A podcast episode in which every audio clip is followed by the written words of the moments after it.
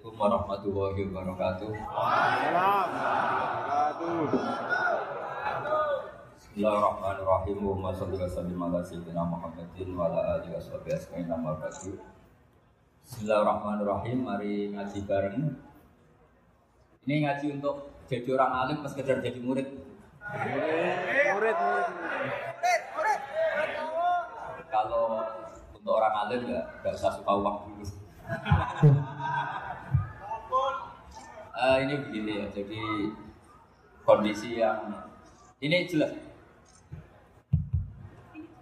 Eh, kondisi yang jenengan alami ini mungkin banyak yang ngaji saya lewat YouTube, sehingga saya berharap konstruksi pikiran ini sama. Nanti saya bantu ya supaya semua kalimat yang sering anda baca, saya bantu supaya anda tahu maknanya. Yang pertama tentu kita Islam ini berdasar kalimat tauhid.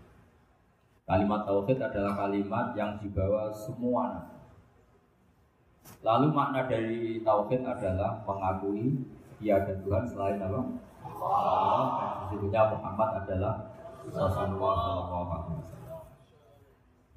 Eh, saya nggak biasa mengajar umum, tapi ini spesial karena saya ingin sujud di bumi ateis. Sehingga dari awal saya ini sebetulnya tanpa dirayu sudah kepikiran. Dirayu lama sama Mas Eko ini sudah merayu masih bilang nanti ada lelangan besar. Tapi tadi katanya panitia hasil lelangnya sekitar 60 juta ya. Yaitu dibangunkan masjid jangan untuk mes ya. Supaya saya ikut amal. Eh, jadi begini ya.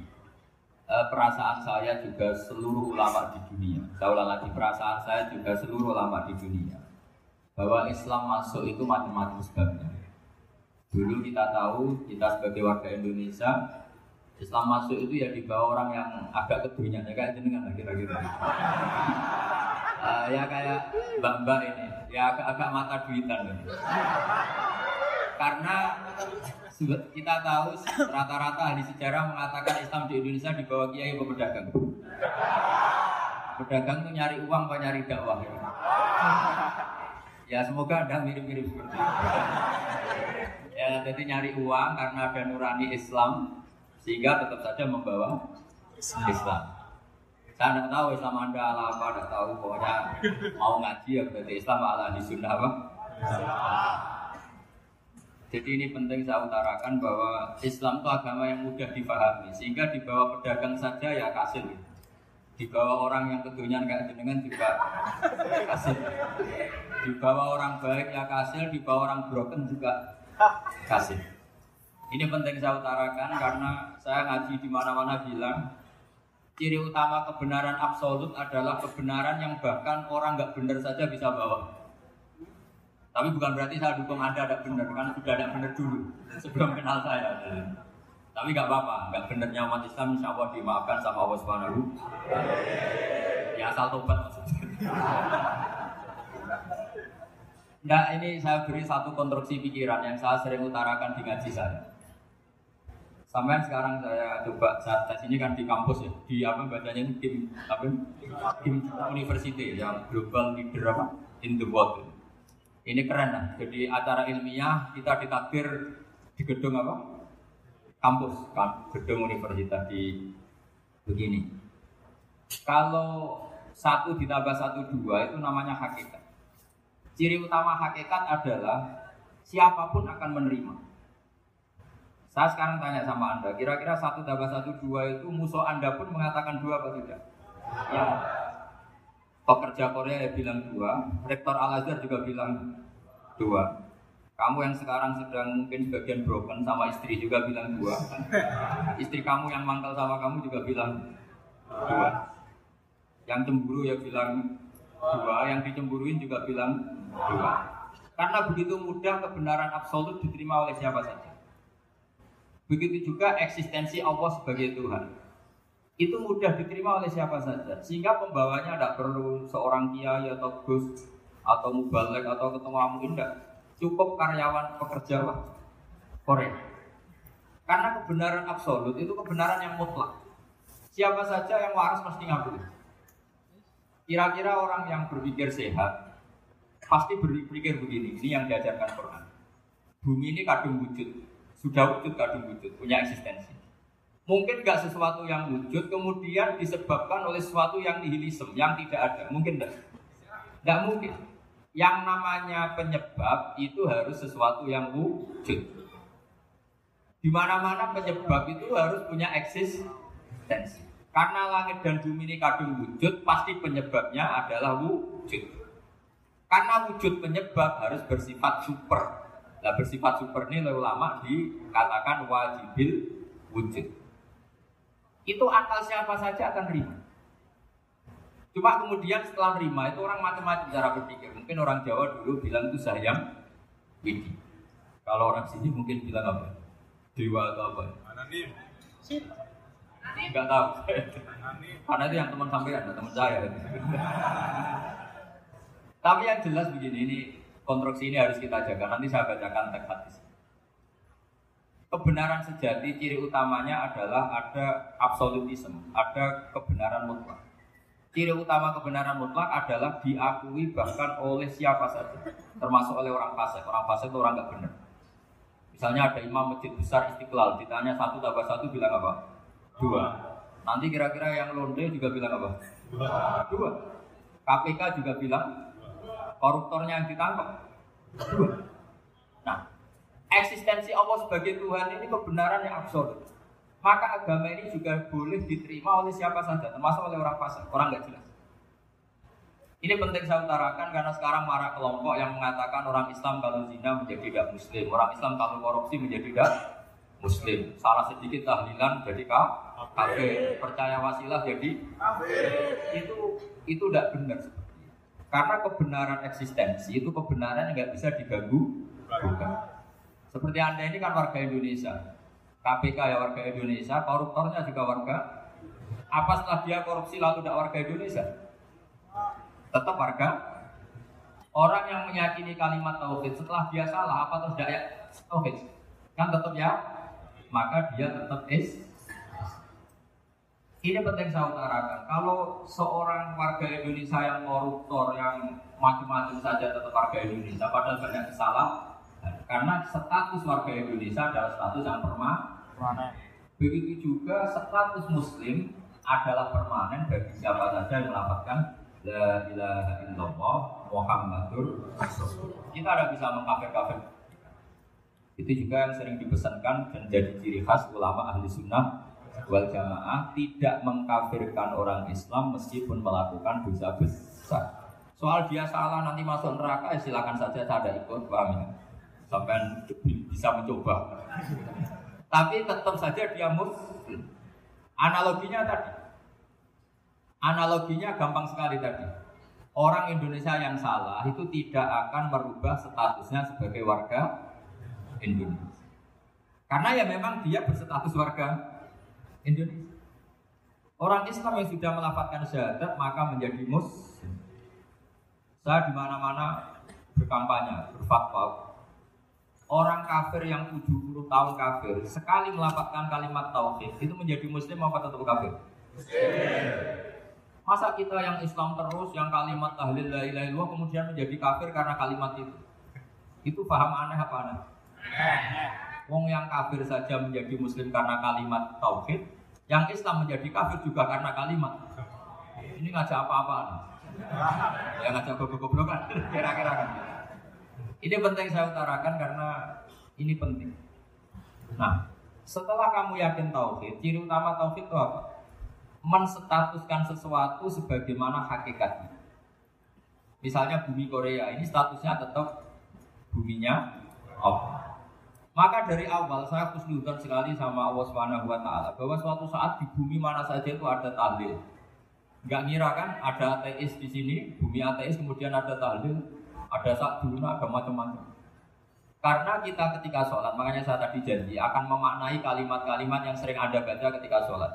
Di sholat saat ada itidal ngendikan apa? Robbana lakal hamdu ayo dibaca milus samawati wa milul ardi wa mil ma syi'ta min syai'in sama nani secara tradisi saben robbana do pangeran kita laka iku kadue panjenengan alhamdulillah segala puji engkau punya segala puji Milkus samawati yang pujian itu memenuhi langit. Tentu langit itu penuh dengan pujian. Semua malaikat bertasbih bertakbir. Karena malaikat tidak ada yang kerja di pabrik itu tasbih terus nggak ada yang nyari uang ya. nggak ada yang nyari won ya. Apa won ya kalau bahasa? Kalau di sini nggak kiainya aja nyari uang. Terusannya apa? Wamil ul ardi dan pujian itu memenuhi bumi. Korea termasuk bumi Allah apa enggak? Jadi saya sudah menduga suatu saat Korea itu ya penuh dengan pujian. Dan ini betul. Siapa yang kira kalau di bumi Korea ada yang apa lagu Sakduna? Itu lagu kesayangan guru kita semua Kiai Haji Maimun juga. Gak ada yang kira. Siapa yang kira kalau di sini ada ngaji seperti ini? Di Rusia juga sama. Uni Soviet itu negara ateis. Tapi lama-lama pecah karena Glasnost itu dan Historika itu kemudian menjadi pecahan-pecahan negara Muslim. Ada Uzbekistan, Tajikistan, Chechnya, semuanya menjadi negara apa? Muslim. Karena dari awal lakal hamdu milkus samawati wa milul ardi dan pujian itu pasti memenuhi langit juga memenuhi bumi. Kalau anda baca itu di Indonesia mungkin wajar di Indonesia banyak acara-acara seperti ini. Tapi kalau di Korea, ternyata benar. Dan anda-anda ini kalian semua termasuk pembuktian benarnya wamilul ardi. Keren kan teman? Oh keren sekali, bukan sekedar keren keren. Makanya saya jarang diundang kajian mau mau, tapi dia undang di Korea mau. Tapi saya ada niat datang undangan. Memang saya ingin datang.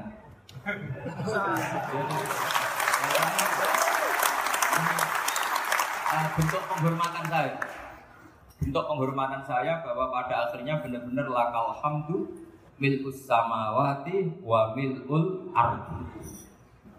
Jadi Anda tidak perlu pesimis dulu Indonesia juga seperti itu.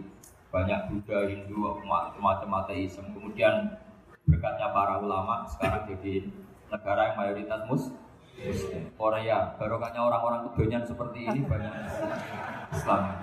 Gak apa-apa, karena sebagian agama Islam, sebagian sejarah ditulis di bawah pedagang-pedagang Gujarat.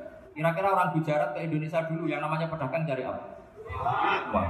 Tapi namanya orang Islam, hatinya tetap adanya tauhid. Nyari uang ya tetap sambil tahu. Kalau yang ke Korea langsung kiai mungkin tidak seramai ini Islam. Karena kalau kiai datang langsung dicurigai jadi misionaris, jadi ribet mah. Tapi kalau sampean nggak ada yang curiga, namanya pekerja ya pekerja saja nyari uang. Dan itu memang fakta. Cuma kadang ya sadar terus ya bagus lah.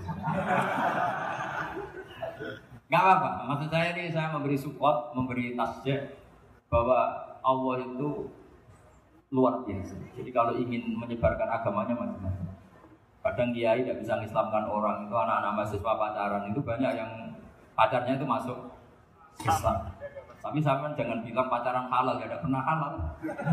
Tapi Allah kalau menghendaki memberi hidayah itu jalannya macam macam-macam. Ada yang lewat kerja coba. Yang bayangkan ada tahlilan di Korea itu semua kiai tidak pernah bayangkan. Tapi setelah banyak pekerja di sini, kemudian mereka insaf atau sedang insaf tidak tahu ini.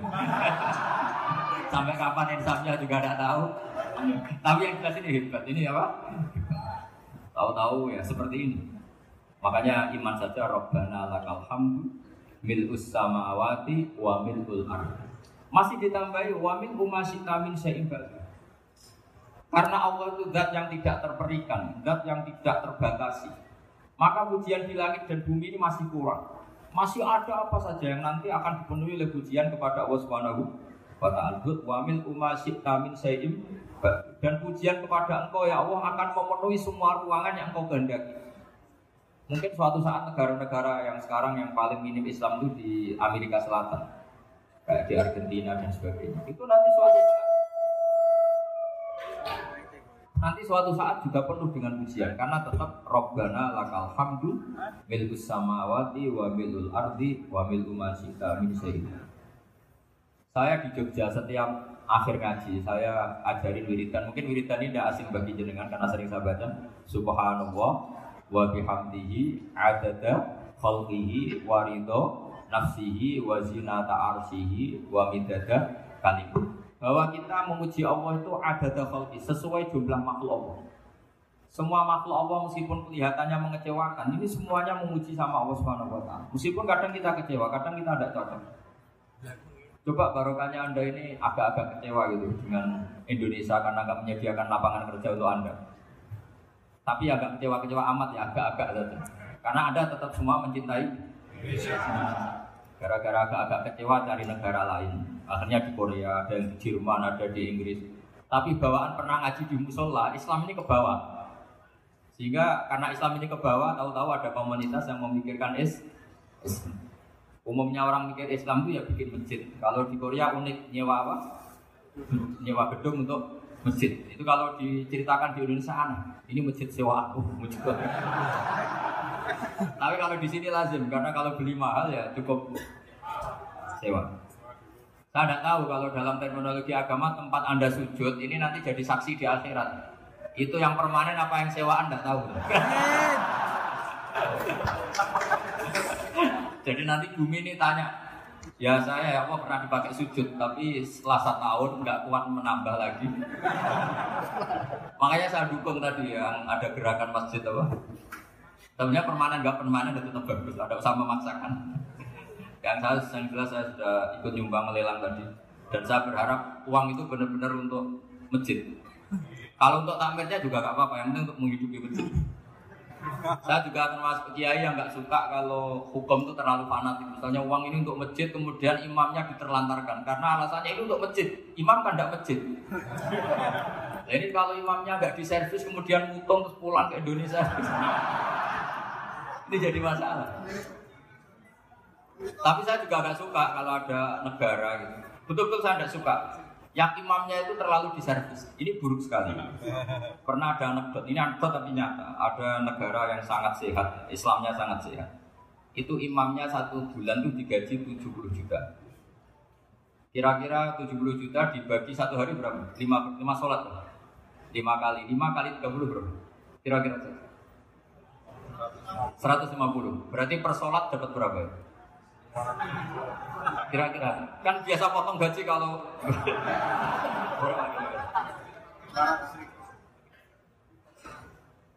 Singkat cerita, si kiai dari luar negeri tadi cerita apa Indonesia?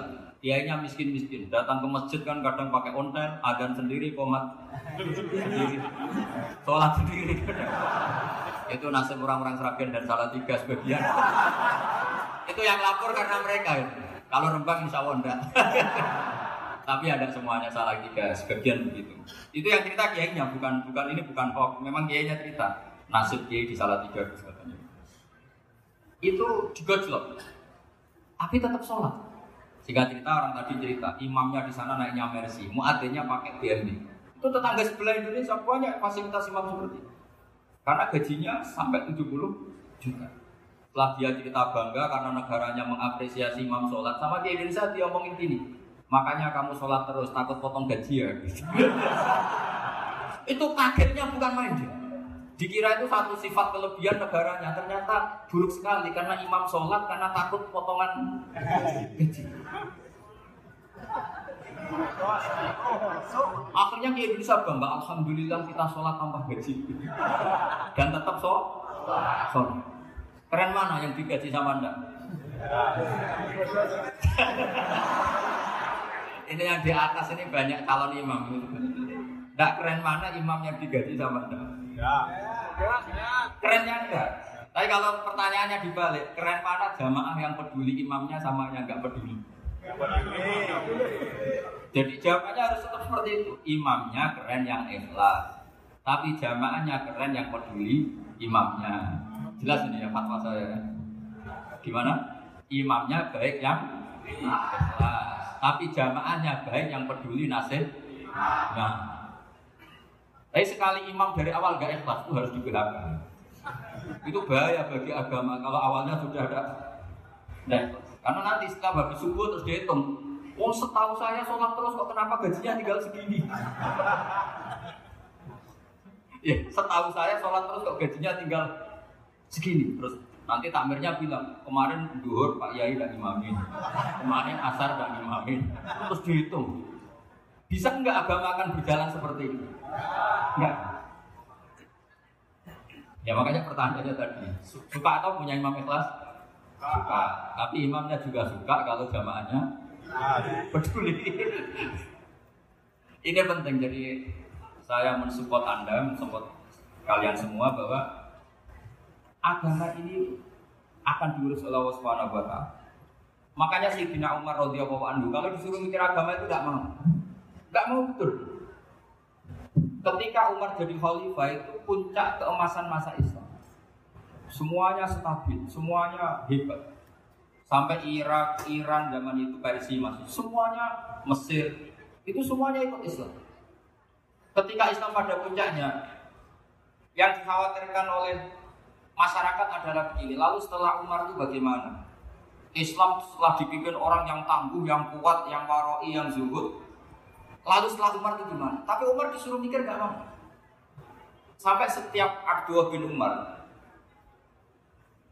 jalan-jalan di kampung-kampung itu abahnya dianggap pecundang. Tahu sama pecundang? Orang yang nggak tanggung jawab. Karena orang-orang bilang gini, ya Abdullah bin Umar, bagaimana pendapat anda kalau ada penggembala kambing di tengah hutan atau di tengah padang pas padang rumput, kemudian dia ninggal gelanggang kambingnya, kamu anggap penggembala ini gimana? Oh itu penggembala yang dolim. Pasti kalau tak kambing tinggal ya kacau. Apalagi ini umat Rasulullah Shallallahu Alaihi Wasallam. Ini ada kamu tidak pernah wasiat, tidak pernah ngatur suksesi. Lalu Islam setelah dia bagaimana? Suruh dia ngomong penggantinya siapa? Karena beliau sudah sepuh harus ada suksesi. Akhirnya Abdul bin Umar lapor ke Umar. Ini gimana bahwa orang mengkomplain begini, begini, begini. Apa kata Umar? Agama itu beda dengan kambing. Agama itu milik Allah Subhanahu Buat saya pikir, tidak saya pikir tetap jalan. Nah, ini terbukti dengan ulama yang enggak, mufti yang enggak, tapi bisa menjalankan agama. Kalau agama sama pikir malah rusak, sudah pokoknya lakukan saja, tidak usah pikir. Akhirnya betul. Karena agama ini milik Allah. Soal kita serius memikirkannya itu karena hikmah, karena kita ingin berbakti pada agama. Tapi Anda tidak boleh berpikir kalau agama ini butuh pemikiran Anda. Beda loh ya.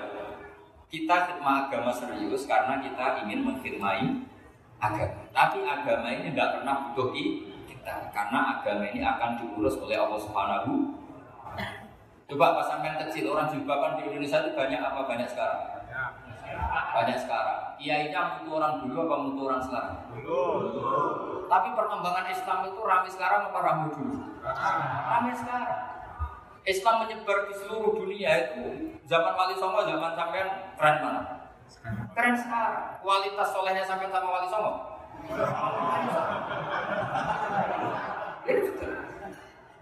Karena agama ini diurus oleh Allah Subhanahu wa taala. Maka kata Sayyidina Umar, agama ini inna Allah ta'ala yahfadhu dina. Inna Allah ta'ala la yudhi'u khilafata waladina. Allah itu tidak akan menyia-nyiakan agamanya. Ini terbukti. Agama ini pernah dipimpin orang terbaik di dunia, yaitu Rasulullah Shallallahu Alaihi Wasallam.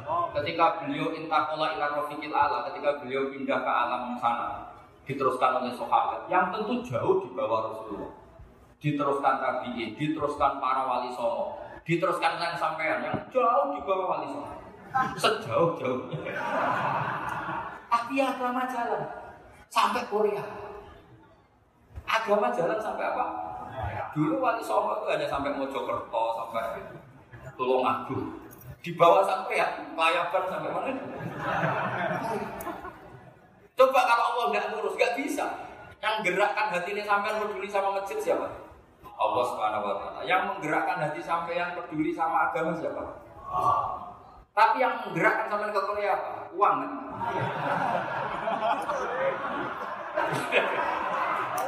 Ya, ya apa-apa jujur saja, lihat. Santai. Ini bagian dari keramat itu dengan niatnya agak bener tapi dibenerin Allah di sini. Dari awal niatnya kan uang, uang, uang. Tapi setelah di Korea dibenerin Allah. Bu ingat agama. Keren kan? Makanya yang syukur sama Allah Subhanahu wa taala. Yang bisa hanya Allah taala. Makanya dalam dunia kiai selalu baca alhamdulillah alladzi hadana li hada wa ma kunna linahtadiya laula an Alhamdulillah kita diberi hidayat seperti ini. Kalau tidak Allah tidak bisa.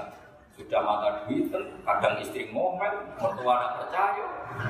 Sudah setengah-setengah broken gini di saya tidak tahu sampai ke Korea karena broken pas saking sayangnya keluarga. Potensinya hanya dua. Dibila-bilain kerja demi keluarga atau agak broken maka ke sini.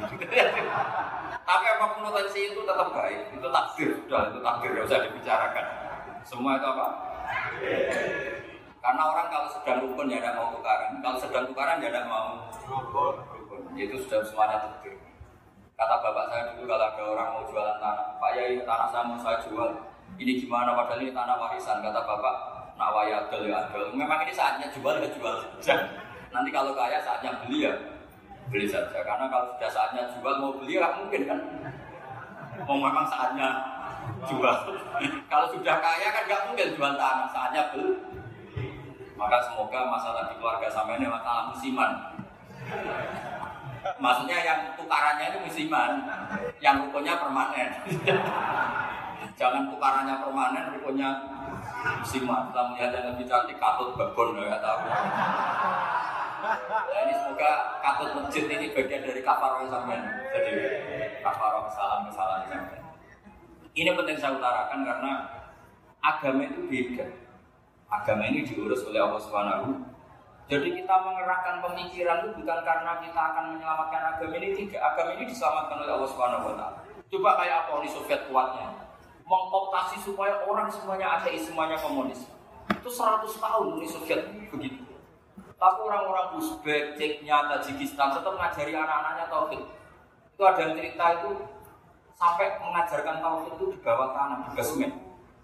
Tapi Allah mengendaki Rusia itu Uni Soviet jatuh. Ketika jatuh, negara-negara ini langsung menjadi negara Islam, yaitu Uzbek, Tajikistan, Ceknya. Mungkin nggak mereka langsung menjadi negara Islam, andai kan saat menjadi Uni Soviet benar-benar menjadi ateis. Nggak mungkin kan? Karena saat dikooptasi Uni Soviet, akidah mereka tetap tahu, cuma nggak berani muncul. Artinya apa? Uni Soviet nggak bisa menghabisi Islam. Kurang kerennya Uni Soviet zaman itu bisa nggak menghabisi Islam? Nggak bisa. Donald Trump dulu termasuk Islamfobia, tapi setelah dia anti Islam, malah orang Amerika demo supaya memperhatikan Islam. Nggak bisa. Makanya Korea pun nggak bisa menghabisi Islam. Kalau sampai menghabisi Islam sendiri bisa. Karena tuh gak mau sholat, gak mau zakat itu sampai. Tapi sampai toh yang Islamnya habis, Islam tetap baik-baik saja. Makanya ini penting saya utarakan supaya kamu pede bahwa agama ini pernah dibawa orang yang berdagang.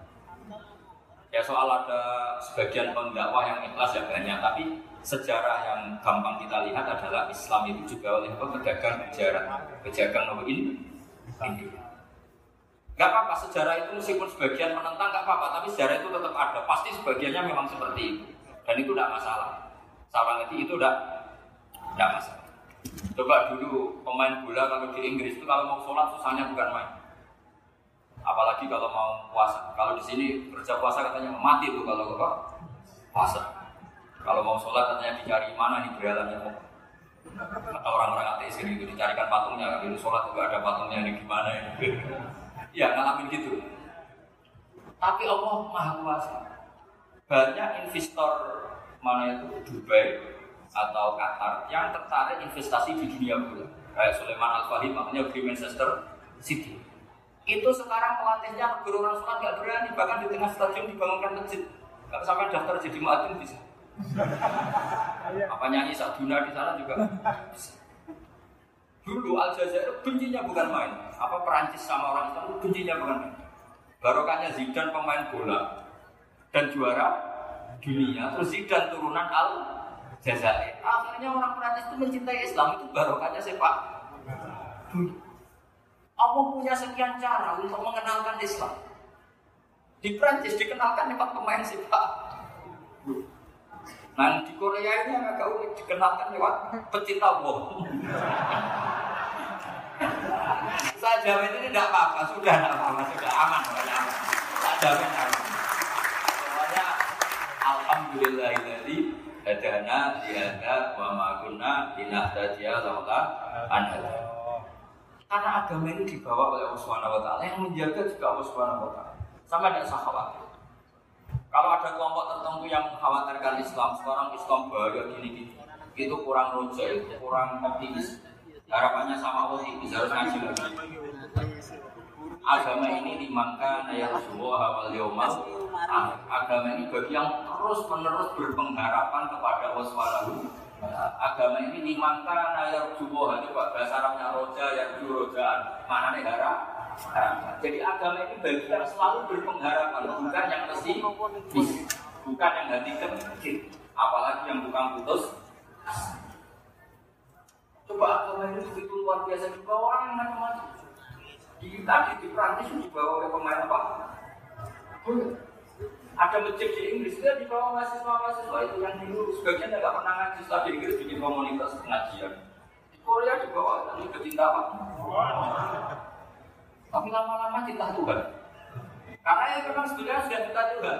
Cuma ya cara cinta ini menunggu punya uang. ya sudah alhamdulillah seperti ini sudah luar biasa sudah. Insya Allah diterima oleh waswana buat Saya selalu berharap semoga ini tetap satu bukti satu bukti bahwa Allah itu harus kita sembah di mana karena tadi Allah akan selalu apa Robbana lakal hamdu milkus samawati wa milul ardi wa milku ma min syai'in bahwa pujian kepada Allah akan selalu memenuhi langit dan memenuhi bumi bumi Korea termasuk buminya Allah. makanya eh, pegangan yang saya minta sama pengurus untuk di share adalah apa Dawi Rasulullah Shallallahu Alaihi Wasallam. Mungkin nanti panitia harus mengeser itu. Ini Musnad Ahmad, riwayat dari Imam Ahmad. Al Bilad, bila dua sudah sudah punya. Nanti share ya. Yang Al bila dua bahwa negara hakikatnya adalah negara Allah. Wal ibad ibadullah. Semua hamba hakikatnya adalah hamba. Di hadis itu fahai suma asok khairan fa'akim. Kapan saja kamu menemukan kebaikan di tempat anda berdomisili, fa'akim. Kamu tidak apa-apa di sini. Kamu di sini dapat uang, dapat masjid, dapat sewa masjid, tidak tahu sewa apa permanen, pokoknya itu bagus juga. Buminya dirayu, bumi meskipun ini tidak permanen, tapi tetap jadi saksi tuh ya. Harus ada kompromi. Karena kalau dengar orang Indonesia jadi aneh, masjid kok. Iya, tapi aneh di Indonesia ada aneh di sini, sama tenang saja. Tentu malaikat pencatat di sini juga sudah tahu kalau sebagian masjid itu sewaan. Jadi ya, ya ada eskal-eskal amat sudah sudah nggak jagal-jagal amat karena kondisional apa? Jadi cara kita panitia supaya mengeser lagi hadis riwayat siapa? Imam Ahmad bin Hambal yang diriwayatkan oleh salah satu uh, min minal asroh al mubasyari nabi jannah yaitu Zubair bin Awam. Nabi ngendikan al bila bila dua negara mana saja adalah negara Allah. Wal ibad ibad semua hamba adalah hambanya Allah. Fahai suma asok khairan di mana saja kamu mendapatkan kebaikan, fa'atim kamu tidak apa-apa berdomisili Ya saya mohon ini uh, penting sekali. Pokoknya saya mohon kalimat tauhid ini dijaga. Karena kalimat tauhid ini kata semua ulama kasajaratin toyibatin asluha itu wa faruha Dan kalimat tauhid ini pasti tukti ukulaha kullahinim biidni rabbiyah kalimat tauhid yang dibawa umat Islam seluruh dunia.